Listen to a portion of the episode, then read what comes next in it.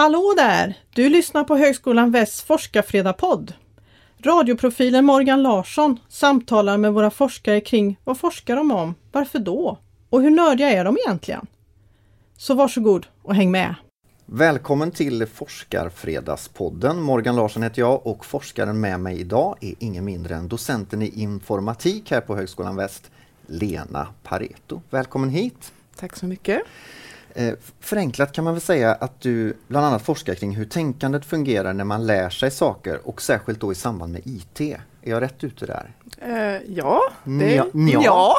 det kan man säga. Uh, det här uh, är lite grann en efterkonstruktion men när jag hade min docentföreläsning då var jag tvungen att fundera på vad är det jag har gjort egentligen? Mm. Och det var inte helt lätt att hitta en röd tråd men jag tycker jag lyckades och den beskrivningen var då innovativ IT-design för att stödja mänskligt tänkande.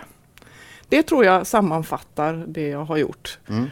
Men det är ganska många olika saker som jag har hållit på med. Ja, jag har förstått det här. Jag, ja. Till exempel har du varit med och tagit fram ett mattespel så att man kan spela sig till en, i spelet en högre mattekunskap. Ja, Alltså, man blir liksom smartare utan att tänka på det, eller? Eh, ja, fast tänker gör man ju förstås. Men ja. Eh, man gör det på ett roligt sätt och man kanske inte tänker på att det är matte precis man håller på med.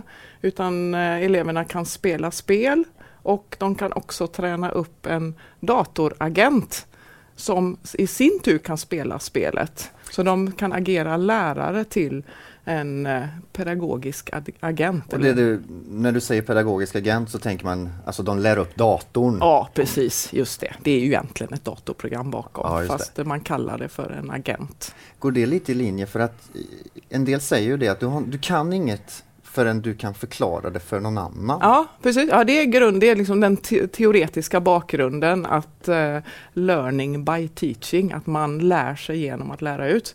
Och alla vi som undervisat någon gång, vi vet att det är då man verkligen måste fundera på hur sjuttsiken är det här egentligen? För att kunna förklara till någon annan, hur tänker jag kring de här sakerna? Så det är ett jättebra sätt att uh, faktiskt öka sin egen förståelse genom att då, lära ut. Då är du alltså med då och utvecklar en ett datasystem som man alltså ska lära upp. Det ja. låter väldigt svårt. Uh, ja, det är det också. ja, det är, det är ju lite klurigt. Men det är så. det som är forskning? Ja, det är det ju. Och liksom den här, eh, och det, det, man säger att man använder sig av artificiell intelligens. Och den här agenten, eh, den ska då bete sig som om den lär sig. Fast eh, det här kan man ju diskutera huruvida en dator verkligen lär sig eller inte. Jag anser att det gör de inte. Eh, utan vi kan programmera dem att bete sig på ett sätt så det ser ut som om de lär sig. Men det är inte nödvändigtvis samma sak som att man lär sig. Nej, det. Vad det nu betyder. Vi vet ju inte hundraprocentigt hur vi nej, nej. Men upplevelsen för den som ja. spelar spelet är att man lär upp agenten? Ja, och det är det som är det viktiga. Mm. Eh, sen har, har, du också jobbat med hur man får bort störiga ljud i kontorslandskap. Ja. Kan du berätta mer om det? det låter, de jag, jag jobbar i kontorslandskap. Så... Projekten. Ja, det är en, en kollega till mig som eh, eller så numera är kollega som en, en kille som hade den här grundidén om att, eh, att man med hjälp av ljuddesign eh, ska kunna förbättra situationen i, i ett kontorslandskap till exempel. Alltså att, man, att vi kallar det för ljudbubblan. Det är, och det här är en beskrivning av de som har testat det det är just att man istället för, i normala fall i kontorslandskap när man jobbar med, med eh, ljud så, och bullerreducering så jobbar man med eh, det rumsliga, att försöka ta bort störande ljud. Det här är en helt annan ansats och det är istället för att ta bort störande ljud så lägger man på fint ljud eller vackert ljud som då blir som, som någon matta matta, en bullermatta, så du hör inte det. Alltså det, det, det, mm. det, störande bullret finns där, fast du hör det inte för det finns någonting annat som kommer, ligger ovanpå. Ja, men det här är jätte... För att jag jobbar i kontorslandskap ja. och eh, det jag har gjort är att jag sätter på musik i lurarna, väldigt ja. låg musik, sån musik som jag inte tycker särskilt mycket om. Ah. Alltså, alltså inte på det sättet, ah, jag, jag, fångar, jag fångas ah. inte av den. Wow. Och jag kan inte ha svenska texter, Nej. för då följer jag med i dem. Yes. Utan engelska, gärna otydlig sång ja. och så. Och det är det som funkar bäst. Ja, det, det är låter... perfekt, du måste ju testa våran prototyp. Du är ju en alldeles utmärkt testperson. För det är precis det här, det, som det bygger på att det ska vara ljud och egentligen då inte musik, för musik tar upp för mycket uppmärksamhet. Och det här är designmässigt så är ju det här väldigt fascinerande att försöka eh, skapa en ljudmiljö som vi inte uppmärksammas, eller som, in, som inte fångar uppmärksamheten. Så det ska egentligen helst inte märkas. Det är liksom att designa något som ingen märker. Det är lite fascinerande. Vad kan det vara för ljud? Har ni börjat spåra upp dem på något sätt? Ja, alltså det är inte, det finns också eh, andra som har testat med att uh, ta in så här, första tanken kanske är att om oh, lite vacker fågelsång och naturljud, att man ska föra mm. in det i eh, kontorslandskapet. Men det funkar inte speciellt bra, för vi reagerar på om Nat ljuden måste vara naturliga i det kontextet, ja, i det, det, sammanhanget. Så, så då, då det, man tycker inte det stämmer. Nej. Så det är faktiskt eh, kontorets egna ljud som man manipulerar lite ljudtekniskt. Det där är inte min grej, det är, nej, nej, det men... är Martin som kan ja. det där ljudtekniska, så trixa med det här. Eh, och sen så styrs ljudet utav omgivningen, så systemet lyssnar av hur eh, ljudomgivningen är i kontoret. Så blir det plötsligt massa stökigt och ljud. Eh, då ökar den här ljudbubblan och den liksom tätnar så att det kommer närmare så att du fortfarande har lättare att koncentrera dig och inte bli störd. Det här låter ju väldigt logiskt för mig här i den här synvinkeln. För det som stör mig mest är när man plötsligt hör någon prata och ja. vad den säger. Mm. Den här bubblan... Ja, det, och det, det, är precis det. Och det är inte bara du, utan det finns massa forskning mm. som visar att det är den här taluppfattningen utav eh, andras tal som man inte vill höra som är det mest störande. Och då går bubblan in där ja, och stör det blir den här ljudmattan. Mm. Eller vi, vi kallar det för en, en halvtransparent ljudbubbla. Så att du samtidigt, för skillnaden, så du säger du sätter in hörlurar mm. och det är ju många som gör det. Problemet med det är att om du är i ett sammanhang där det är Eh, där du faktiskt ska samarbeta och du är, du är i ett socialt sammanhang. Så det avskärmar lite väl mycket för att andra upplever att ja, men jag kan inte störa den här personen för de, de sitter med eh, hörlurar och, och, man liksom signalerar att stör mig inte, jag mm. är här. Och, och det, så det, att just få till den här balansen, att finnas med och närvara i sammanhanget utan att bli för mycket störd. Det är det där som är det halvtransparenta. Ja, exakt. Ja. eh, Halvgenomskinlig. Ja. Och det du beskriver är ju väldigt skilda saker. Ett eh, mattespel ja. och att ett ljudprogram på något sätt och ett sätt att inte bli störd i ett kontorslandskap. Vad är den gemensamma länken här? Ja, jag har gjort andra som är ännu annorlunda också. Jobbat med stroke-rehabilitering, ett, eh, ett eh, virtual reality-spel för stroke-rehabilitering för att träna, till, få tillbaka de kognitiva funktionerna. Men, men vad är kopplingen emellan de här grejerna? Vad är det som är din röda linje i det som Ja men det är det här liksom, eh, ja, flera av de här handlar ju om spel. Det är alltså ett, ett roligt stimulerande sätt att använda tekniken till något nyttosammanhang, någonting som man behöver.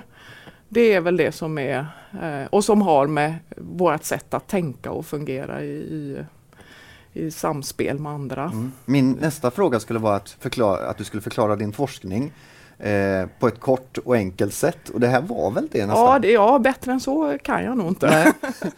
så det. Ja. Mm. Eh, varför blev det just det här området för dig? Om du tänker när du var liten eller ung eller sådär. Hur, hur, kom, du, hur kom du att intressera dig för detta? Ja du, det, det var egentligen, ja det är ju mer än en slump. Jag hade till och med innan jag började här så uh, Ja, matte har jag ju alltid tyckt varit kul då vi diskuterar det här med huruvida man är nördig som forskare så att eh, det kanske är då en aspekt som klassificeras. Jag, jag, tycker verkligen att matte är roligt och jag gjorde det från början.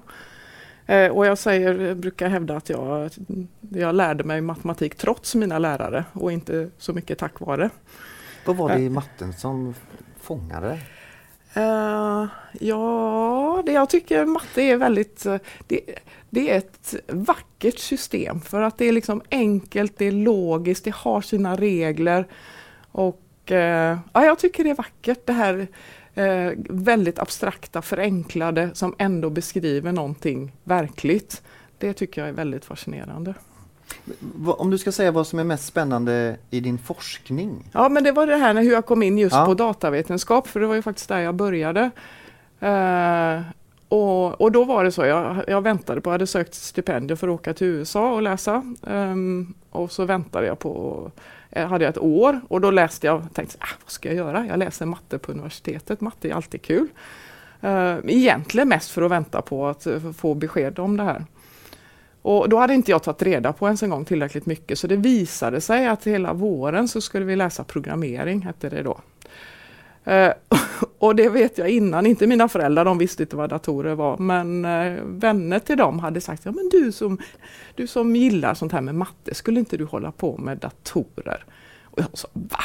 Du skämtar aldrig i livet, sitta framför en skärm resten av mitt liv. Det kommer jag aldrig göra. Och sen så visade det sig då att oj oj oj, nu skulle vi läsa programmering hela vårterminen. Och då successivt så fick jag ju svälja min stolthet och först erkänna för mig själv och sen så för andra att hoppsan sa jag tyckte ju faktiskt det här var väldigt roligt. Så på den vägen är det. Det var verkligen inte planerat utan det blev så. Och, och, sen så blev det också forskning. Hur, hur blev steget? För det är en sak att bli hookad, ja. tycka det är intressant ja. och spännande. Men sen att börja forska om det. Hur... Ja, det var inte heller planerat. Jag hade inga sådana tankar att jag skulle bli eh, någon forskare. Och jag hade väl inte speciellt eh, tydliga eh, inriktning på vad jag ville bli heller. Jag är väldigt lustdriven eh, i det jag gör och det är jag faktiskt fortfarande och det är en av de stora fördelarna med att få jobba på det här sättet och jobba som forskare, att man kan faktiskt vara ganska lustdriven. Man gör saker som är roligt. Och även om man jobbar vansinnigt mycket så hela tiden är det så här, men det är ju så mycket som är spännande och roligt så då är det, då är det lätt att jobba mycket. Har du några sådana exempel på saker som nu har vi hört några grejer, men ja. andra saker som du tycker, åh gud, det där vore så spännande att ge sig, sätta tänderna i. Ja, det finns massor. Det jag håller på med just nu som är alldeles nytt och som jag inte... Ja, det här med ljud till exempel. Eh, när jag började, när eh, han Martin kom till mig och diskuterade det här så då, då var jag hoppade på direkt. Gud vad spännande, vilken bra idé! Och ljud kan jag absolut ingenting om. Det är klart jag måste hålla på med det här. Så det har jag, det har jag som en drivkraft, att saker jag inte kan. Det fascinerar mig jättemycket, då måste jag ta reda på mer. Och se vad, hur, vad kan det här vara för någonting. Och det senaste just nu är att jag är lite inne på robotar och hur man ska träna upp robotar. Så istället för att det är den här virtuella agenten eh, som eh, den pedagogiska agenten i mattespelet. Mm. Så håller jag håller just nu på att skriva en ansökan om att försöka få pengar till att Uh, istället ska barnen få träna upp en robot som spelar mattespelet. Vore inte det häftigt? Det vore grymt. ja, det tycker jag med. Herregud. Alltså, hur är det, kan du se också exempel ibland på din forskning att den har påverkat eh, samhället eller världen utanför sådär? Ja, det hoppas jag och det är en av de stora drivkrafterna faktiskt. Att det, även om det är pytte, pytte små saker så är det ändå där förhoppningen och, och idealismen att uh, göra världen lite, lite bättre med hjälp av teknik. För det är precis det här, jag är inte egentligen intresserad av tekniken i sig. Och för tekniken har inget egenvärde anser jag, annat än vad den kan göra för oss människor. Men samtidigt så är ju IT-tekniken, den digitala tekniken, det är det mest fascinerande materialet att jobba med eh, som designer. För, eh, och jag, en, en av mina favoritförfattare de pratar just om i materialet utan egenskaper. Det finns liksom ingen begränsning i vad man kan göra eftersom allting man gör egentligen är en illusion.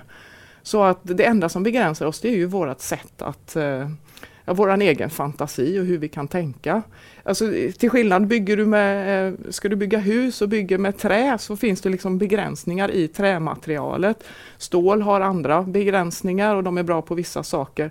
Men den digitala tekniken, det, det är ju ja, det är illusioner alltihopa, så vi kan skapa precis vad vi vill. Det är som att bygga med tankar? Ja, Precis. Du måste säga namnet på den här författaren, jag tror att folk kan bli nyfikna. Ja, det är Stolteman och eh, Lövgren Stolteman, är en, en bok. Ja. Mm. Eh, sen också, är det, nu har jag ju hajat till över många saker du har berättat här, men är det någon sak som du märker fångar intresset för folk som inte forskar eller sådär? När du nämner det så, oj, de kan häpna lite. Ja, det här att uh, gå ut och börja framförallt till lärarna och ja, många andra också prata om att uh, ja, men vi kan lära uh, barnen matematik utan siffror och symboler. Då är det många som studsar, vadå matte utan siffror? Det finns väl inte? Jo, det finns. För siffrorna är ju bara ett språk som vi har hittat på som då ska beskriva det som matematiken står för. Det här med nörderi var vi inne på tidigare. ja. Det kan vara bra att vara nörd alltså, när ja. man ska forska? Ja, jag tror det. På lite, sätt? Lite, lite nördig får man kanske vara. Nej, jag tror att eh, det man behöver eh, som forskare, det allra viktigaste är nyfikenhet. Eh, och jag brukar tänka så här att Eh, bland dem, alltså egentligen skulle vi ha kvar, alla borde ha kvar lite mer utav den här fyraåringen som ställer sina tusen varför-frågor. Varför är det så? Varför är det så? Som man som förälder kan bli ibland lite stressad över. För de ställer ju så svåra frågor som man oftast inte kan svara på. Men just den här eh, den inställningen till livet, att man bara frågar varför är det så och varför är det så? Eller ett annat citat som jag hört från en barn i den åldern som, eh, som fick frågan, kan du cykla? Klart jag kan, jag ska bara lära mig först. Alltså det är en sån underbar inställning. Tyvärr tappar vi oftast en del utav det här. Så jag tror att försöka behålla en hel del utav eh, det förhållningssättet är en jättebra egenskap. Det är intressant att man ställer frågan varför samtidigt som man ser möjligheter. Ja.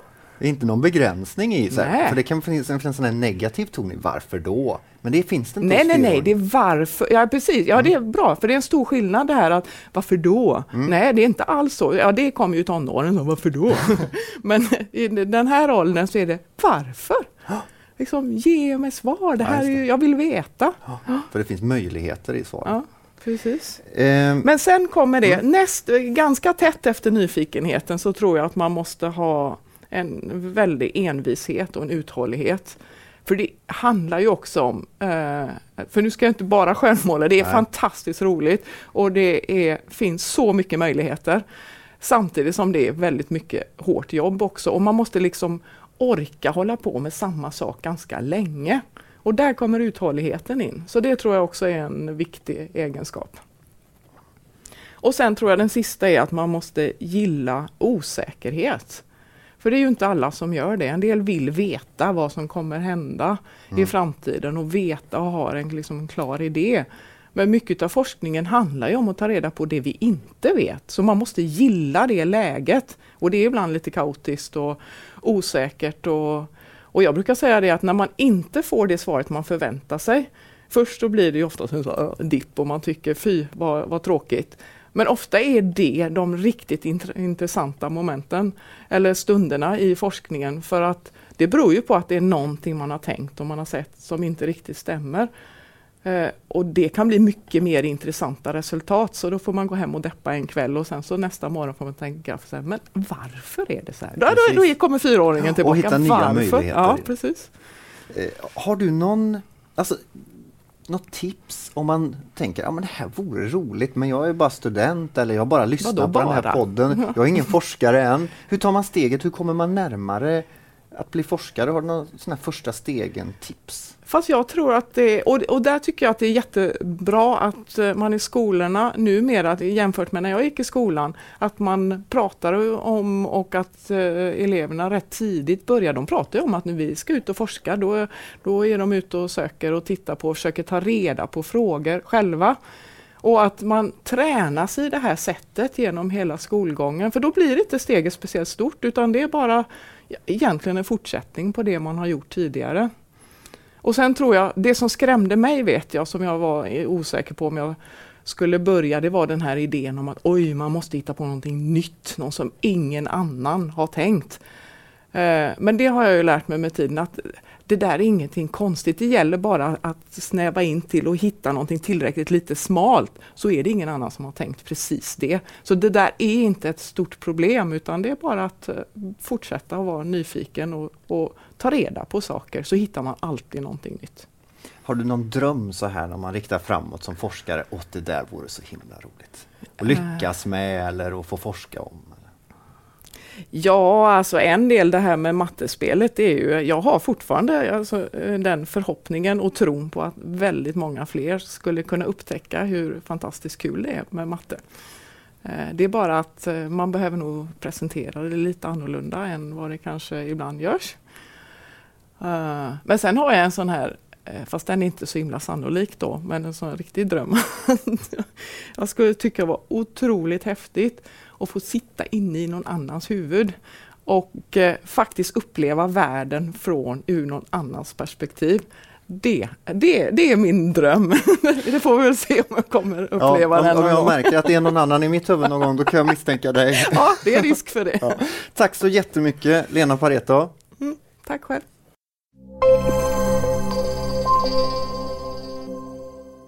Du har nu lyssnat på Forskarfredagpodden från Högskolan Väst.